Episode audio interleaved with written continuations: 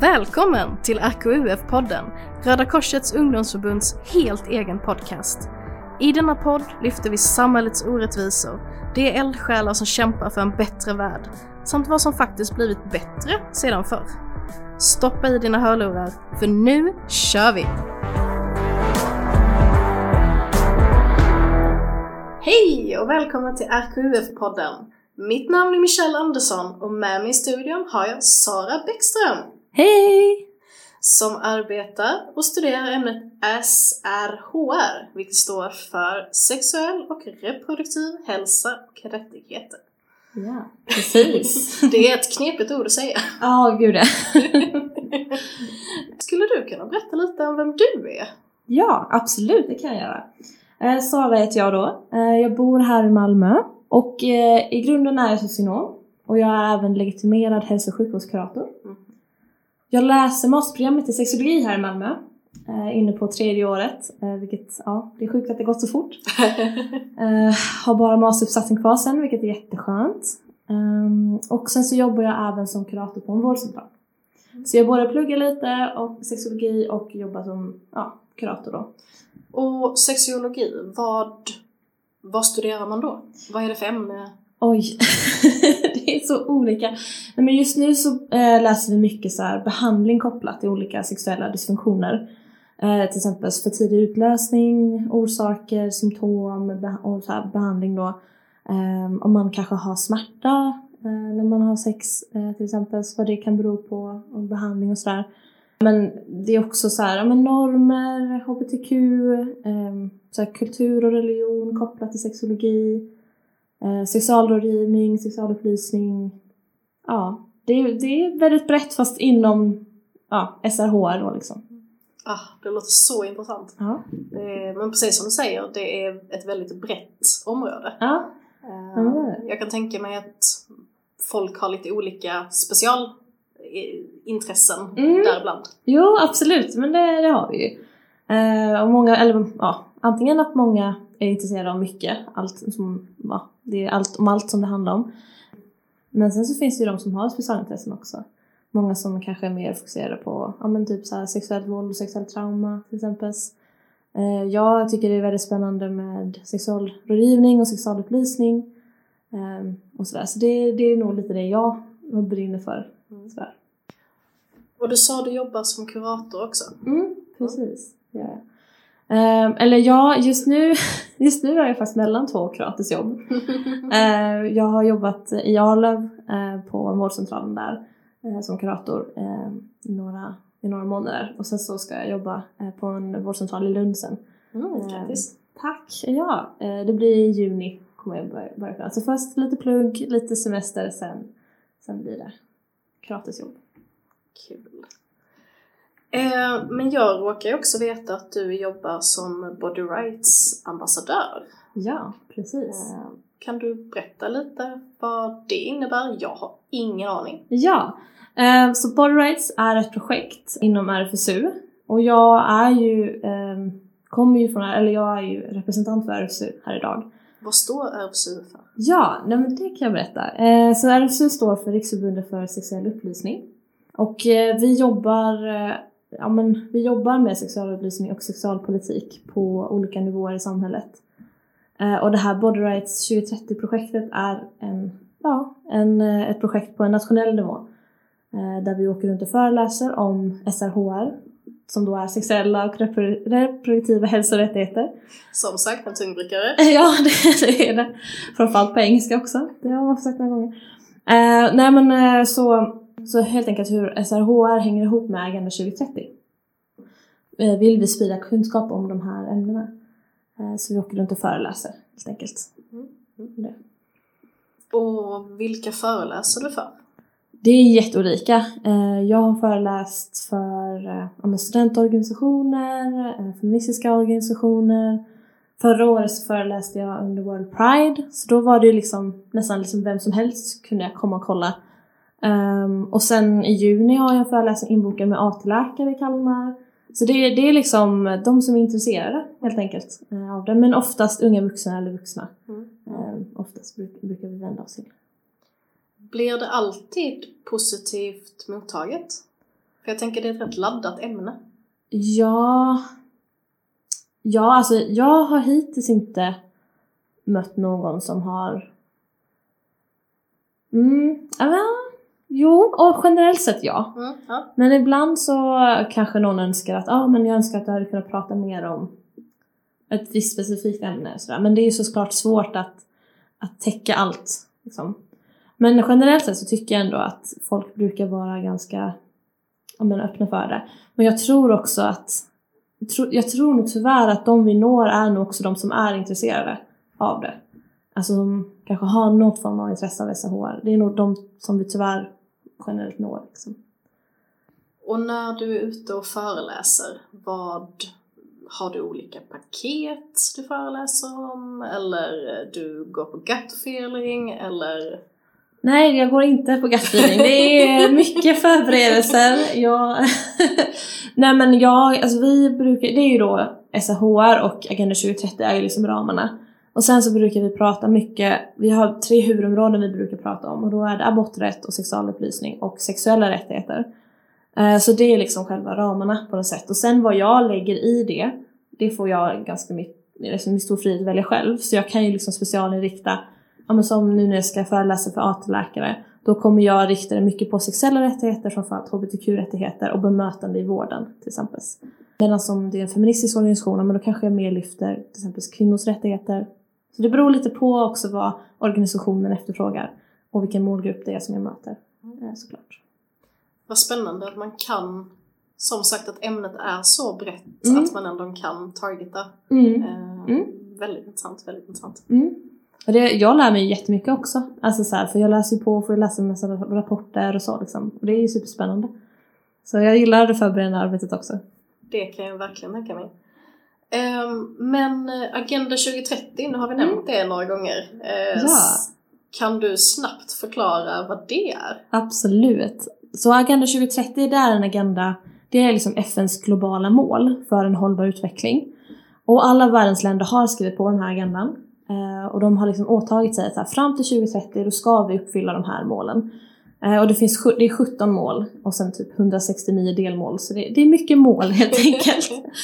um, men eh, övergripande, de övergripande målen är helt enkelt att man vill utrota extrem fattigdom, man vill främja fred och rättvisa och man vill lösa klimatkrisen och minska ojämlikheter. Det är liksom de övergripande generella målen. Och sen givetvis, alla länder måste utgå från sin utgångspunkt eh, och vi i Sverige måste också jobba med agendan. Vi har de sakerna, de problem, våra problemområden som vi måste jobba med. Liksom. Eh, men generellt sett så, så kan, är det det som är agendan. Liksom. Ja, ja men tack! Det var lite utbildning. Ja, varsågod. Skulle vi kunna backa bandet lite? Ja, du pluggar till sexolog. Mm. Ehm, du är kurator. Ja. Och du är Body Rights ambassadör. Men hur kom du hit? Ja du, det, det är en bra fråga. Um, nej men det är en ställ, väldigt stor anledning till att jag började intressera mig för sexologi. Uh, det är mycket tack vare en podd faktiskt. Uh, jag vet inte om ni har hört, hört talas om Ligga med P3? Mm. Jajamän. Podden Ligga med P3? Jajamän. Um, så 2000, 2013 så bodde jag i Oslo och jag gick liksom till och från jobbet och ville ha liksom någon form av underhållning. Eh, och då började jag lyssna på Ligga med P3. Och det var så otroligt spännande, otroligt intressant. Och jag fick verkligen upp liksom ögonen för de ämnena. Eh, och sen 2014 så flyttade jag till Lund för jag började plugga och då engagerade jag mig i en studentorganisation som jobbar med studenters sexuella hälsa. Och sen liksom på den vägen har det varit att jag har liksom bara fastnat för att det är så otroligt lärorikt, spännande, man får ta del av människors livshistorier. Eh, och sen är det så himla roligt att prata om sex också. Ja men det är det. Det, det, det är, det är lite förbjudet. Ah. Och därför tycker jag det är lite spännande. Ja, det är Eh, jätteroligt. Men sen såklart ska det inte vara förbjudet att prata om. Mm, och det är det jag tycker är jättehärligt. Att kunna sitta här i en poddstudio Mm. och sitta och säga sex Ja, eh, med dig här framför mig. Ja. Nej men jag, alltså jag, för jag jobbar ju också som, eh, i, inom RFSU Malmö så jobbar jag också som skolinformatör. Så jag har liksom, håller sexualundervisning för högstadieskolor och gymnasieskolor. Så mitt liv består ju väldigt mycket av att prata om sex och läsa om sex och Sådär, så jag, jag vet inte, jag, jag är inte obekväm med det längre. I och med också att jag har varit engagerad i det alltså såhär, sedan 2014 liksom. Så, ja. Men jag förstår ju att det är många som tycker att det är jobbigt att prata om. Mm. Och det är ju helt okej att känna så. Det alla behöver inte vara som jag och tycka som jag liksom. Men ju mer man gör det desto lättare blir det ju också. Ja men precis. Det är helt okej att inte vilja prata Mm, sex. Men absolut. vill du prata sex, prata sex. Ja. Man får göra det upp till var och en. Ja. Och på tal om skolor. Eh, du och jag träffades ju en kort stund innan det här vi började spela in. Mm. Eh, och då vet jag att du pratade väldigt mycket om porr. Och att det är någonting som du pratar mycket med skolelever framförallt om. Ja men precis. Ehm, vad är din... Hur går en sån föreläsning till? Vad, vad är de nyfikna på? Vad är frågor som dyker upp? Nej men eh, så vi har ju våra generella baspass eh, och då är det här i rollen som skolinformatör då. Ehm, och då har vi, ett, en del av passet är att prata om porr. Eh, och då, det jag brukar fråga först är liksom så här, men vad tänker ni är porr? Att liksom så här bredda begreppet. Är det bara de här våldsamma porrfilmerna som man kan se? Nej, det finns ju så mycket mer. Det finns liksom, men det finns ju olika kategorier inom porr. Det finns så här queer-feministisk porr, det finns ju olika varianter av det. Men sen också att det finns ja, men sexnoveller, är det porr? Det finns ju bilder, är det porr? Alltså en diskussion om så här, men vad är det? Och det brukar väl oftast landa i att så här, men det är upp till var och en själv att definiera, definiera det liksom. Um, och sen så brukar jag rita upp en plus och minuslista. Och så brukar jag be dem ja, men, liksom berätta vad är fördelarna med porr och vad är nackdelarna med porr. Eh, och fördelarna det brukar vara oftast, ja, men, det kan vara man blir, känner lust eller man kan bli kåt. Det kan vara inspirerande, man kan hitta nya kategorier. Eh, det kan vara kul att göra tillsammans med någon. Eh, till exempel. Medan nackdelarna är ju då, de vanligaste som brukar komma upp är ju men, porrindustrin och att folk utnyttjas. Ehm, men också att det kan vara väldigt så här, stereotypiskt, rasistiskt, sexistiskt. Ehm, men också att så här, det kanske inte heller alltid visar, det är inte realistiskt att det inte alltid visar verkligheten. Liksom. Och vi gör så här för att ja, men vi vill få igång ett samtal eh, som är icke-dömande och icke-värderande. Jag, jag, jag bryr mig egentligen inte om vad de själva tycker och tänker utan det viktigaste är att vi diskuterar, att, vi får, att de får möjlighet att reflektera kring ja, men, deras eventuella porranvändande. Och sen är det ju upp till dem själva hur de vill göra liksom. Vi står inte där, jag står inte där och bara så här, ja ah, nu tvingar jag dig till att se eller nu ska jag tvinga dig till att inte se. Liksom. Utan det är upp till var och en helt enkelt. Men just det här, de här icke-dömande samtalen, det, det, det är de vi vill uppnå. Jag tycker det är så extremt viktigt att prata om. För att Mm. oftast just porr är väldigt svart eller vitt Mm, normalt sett. precis. Att antingen så är det jättedåligt eller så är det jättebra. Mm. Ehm, men jag älskar konceptet att ni faktiskt, ja plus och minus och Mm. att man själv får skapa sig en uppfattning av vad man tycker där och då. Liksom. Ja men precis, och även reflektera kring så här, men okej, om jag kollar, om jag kollar på porr, hur mår jag av det, känns det bra? Och genom att vi pratar om det så får man ju också en kritisk blick att just det, det kanske finns nackdelar jag inte tänkt på eller det kanske finns fördelar jag inte tänkt på. Alltså sådär. Och, och det är ju många, för barn, barnombudsmannen kom med en rapport, jag tror det var förra året, som lite så här stödjer det här perspektivet också, liksom att många unga vill prata om det. På ett, men att så här, de kanske känner väldigt mycket skam, ifall man kollar så känner man skam. Eller att man, folk dömer en, man kanske inte vågar prata om det just för att det är tabu. Liksom. Och där, vi vill liksom bryta den och liksom, ja, men det är så himla viktigt att vi pratar om det för att det är då man kan ja, men reflektera kring det och liksom, ja, men kanske också vara kritisk till om man vill vara det eller inte. Liksom. Ja, när man verkligen, alla förändringar har ju kommit för att man har börjat prata om det. Mm. Eh, precis. kvinnors rättigheter, abort, allting sånt har ju varit för att vi har börjat prata om det. Mm. Ja, precis. Men hur är stämningen i klassrummet först? Är det fnissigt och så? Och har du någon gång gått därifrån och fått så riktig shit vad det här var värdefullt från någon elev? Eh, tänker du liksom på själva passet eller tänker, tänker du själva porr, bara samtalet om Eh, he hela passet är... Hela passet? Eh, nej men jag tycker oftast att jag går därifrån och tycker att jäklar vad kul det här var. Eh, om jag så, en, så bara en person fick jättemycket kunskap så är det jättevärdefullt för mig. Men det är så himla roligt att, att få ta del av många av ungdomars tankar och funderingar och de har så mycket frågor. Och de har ju möjlighet att ställa alla frågor på, och jag försöker liksom att vara icke-dömande. Eh, det är det viktigaste liksom. Eh, men stämningen, ja men oftast så brukar det vara lite så här, ja men till en början kanske det är lite så här småstelt för att så här, ja nu ska hon komma här och prata om sex. Och sen så brukar jag säga, sen liksom när man har presenterat RFSU och gjort ett litet intro så brukar jag bara säga, ja men nu ska vi skriva, nu ska ni säga vad ni tänker på när ni hör ordet sex. Och då brukar ganska snabbt ord som typ så här, kuk och fitta komma. Mm. Och då bara, sa hon kuk och fitta? Liksom. Och sen så brukar det vara lite fnissigt och sen så brukar det släppa. Typ. Mm. Så Ja. jag tyck- tycker att det brukar släppa ganska snabbt liksom. Ehm, men också så här, men jag säger, brukar ofta använda ord som kukfitta. Inte för att jag vill använda det som skällsord utan jag vill lite så ta, ta, ta tillbaka de orden. Eh, men också för att det är många ord som många ungdomar använder. Ehm, och sen också för att just fitta är mer inkluderande. Eh, om man säger vagina då är det bara en del liksom av, av själva fittan. Liksom. Så det är därför jag brukar, vi brukar använda de orden. Ehm, men det brukar släppa ganska snabbt. Liksom. Och sen så tror jag också de märker att så här, ja, men hon, tycker, hon har inga problem med att liksom, prata om de här sakerna. Och då brukar det liksom släppa ganska snabbt också. Det här stela, fnissiga. Liksom. Ehm, finns det något fun fact du har lärt dig längs vägen? Som både body rights ambassadör och eh, skolinformatör? Ja, eh, nej men alltså en fun fact som jag upplever att många inte kan det är ju att båda könsorganen kan få stånd. Och det här vet jag att du vet för jag har sagt det tidigare. Ja, men jag, är- jag är fortfarande helt fascinerad. Ja. Hur har man inte vetat om det här tidigare? Ja, du, det är en bra fråga. Nej men så båda könsorganen kan få stånd. Eh, så på kuken är det ju då, ja men det vet väl kanske ganska många oftast att det är liksom själva skaftet som reser sig sådär. Medan på fittan är det, det är en del av klitoris. Så jag, jag har faktiskt med mig en klitoris här i 3D. Nej, vad underbart! Så tyvärr kan jag inte visa den för att eh, ja, Ja, det här det- är ju den- radio. Det ser ut som en, eh, jag skulle säga en kö- kökshanddukshook som jag hänger min handduk på Ja, liksom. ja, precis.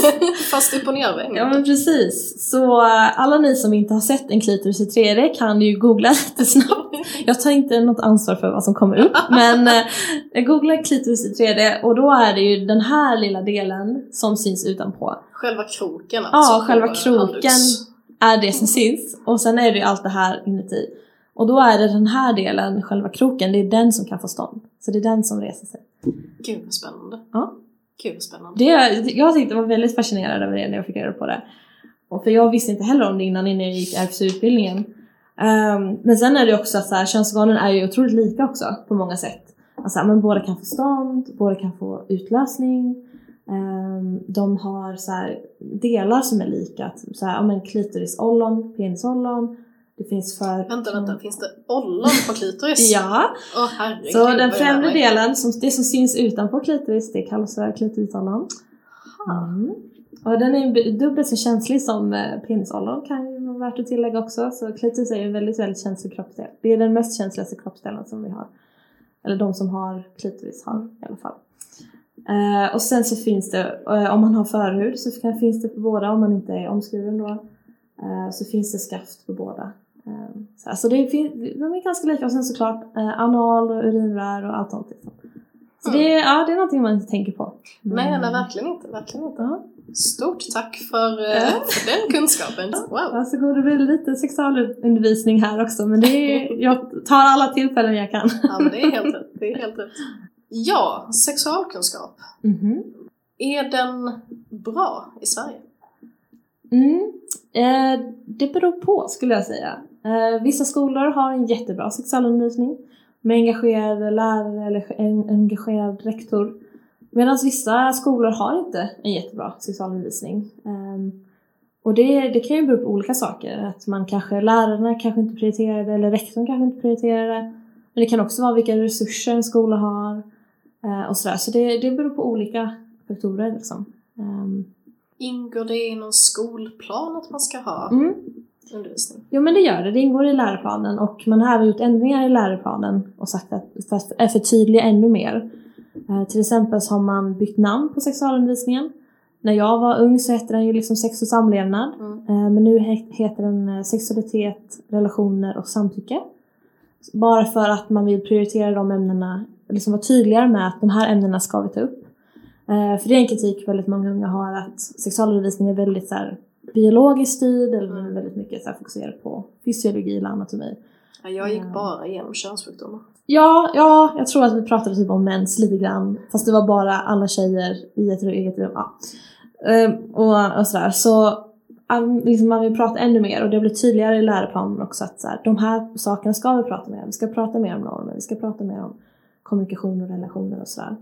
Eh, Så det är jättepositivt. Och sen så har också det blivit, sexualkunskap har också blivit ett obligatoriskt ämne på lärarutbildningen. För det var den inte innan. Och jag kan förstå att som lärare, om du inte har kunskap om ett ämne, då är det ganska svårt att lära ut det. Såklart. Eh, och sen om man också tycker att det kanske är lite jobbigt att prata om, då kanske också det blir ännu svårare. Eh, så förhoppningsvis kommer det göra att fler tycker att det är okej att liksom lära sig, eller, eller att lära ut det också.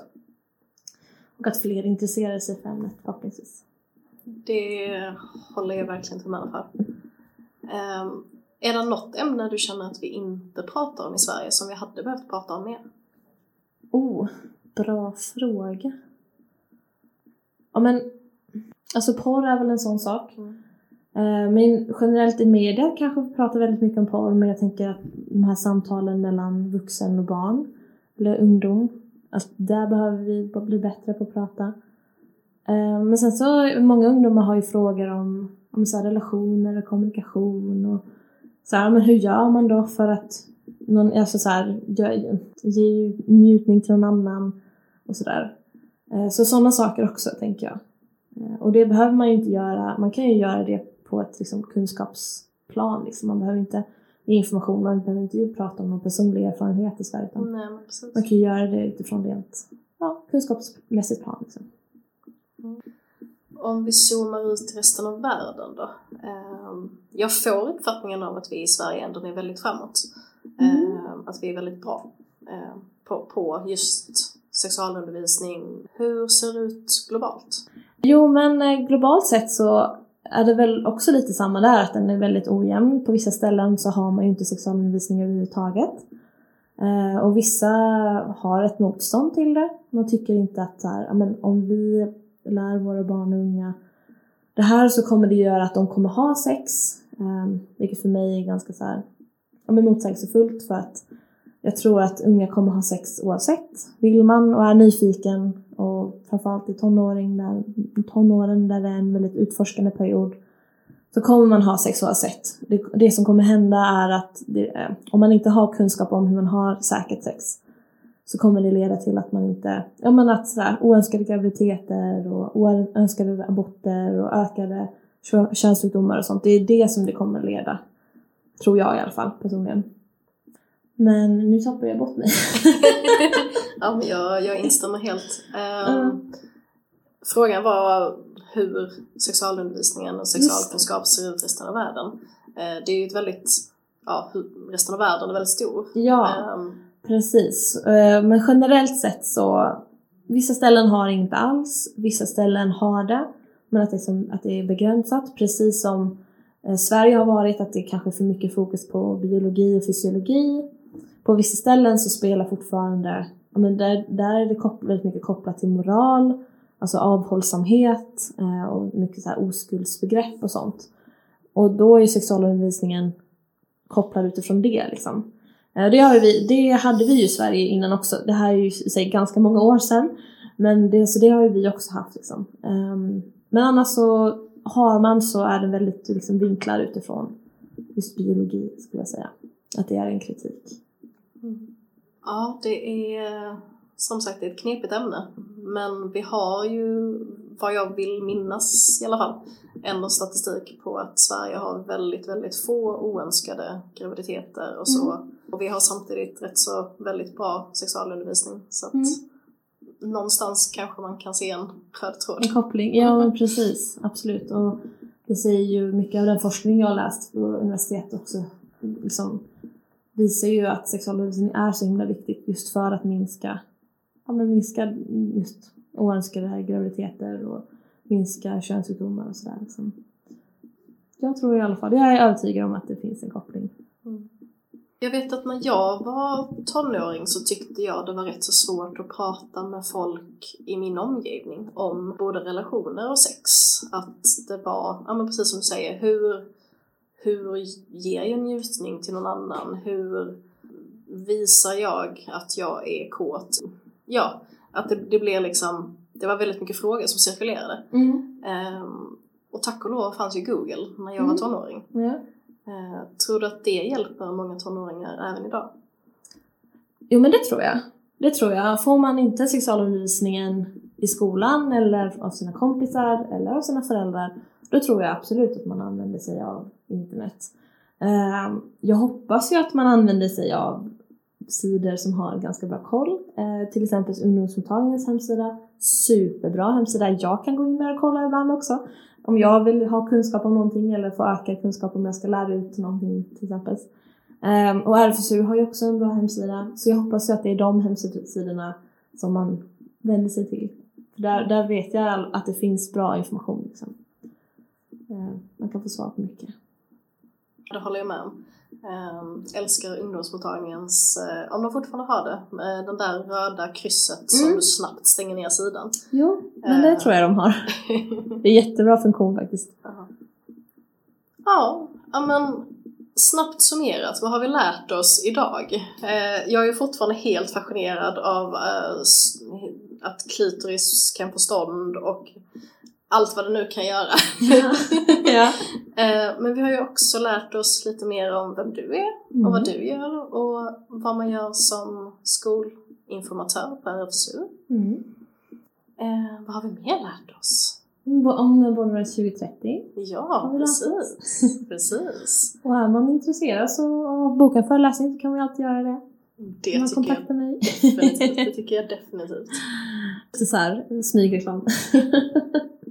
Ja, men stort tack Sara för din tid idag och för alla dessa otroligt värdefulla kommentarer och lärdomar. ja men tack själv, det var jättekul att få komma hit. Ha det bra med dig. Detsamma. Tack Hej. hej. Tack för att du lyssnade. Glöm inte att trycka på följ eller prenumerera-knappen i den poddtjänst du lyssnar på för att inte missa när vi släpper nytt avsnitt. Vill du nå oss så går det alltid att mejla podd.rqf redcross.se Kanske har du tips på avsnitt du gärna hade velat höra eller andra inspel. Tills nästa gång, ha det bra!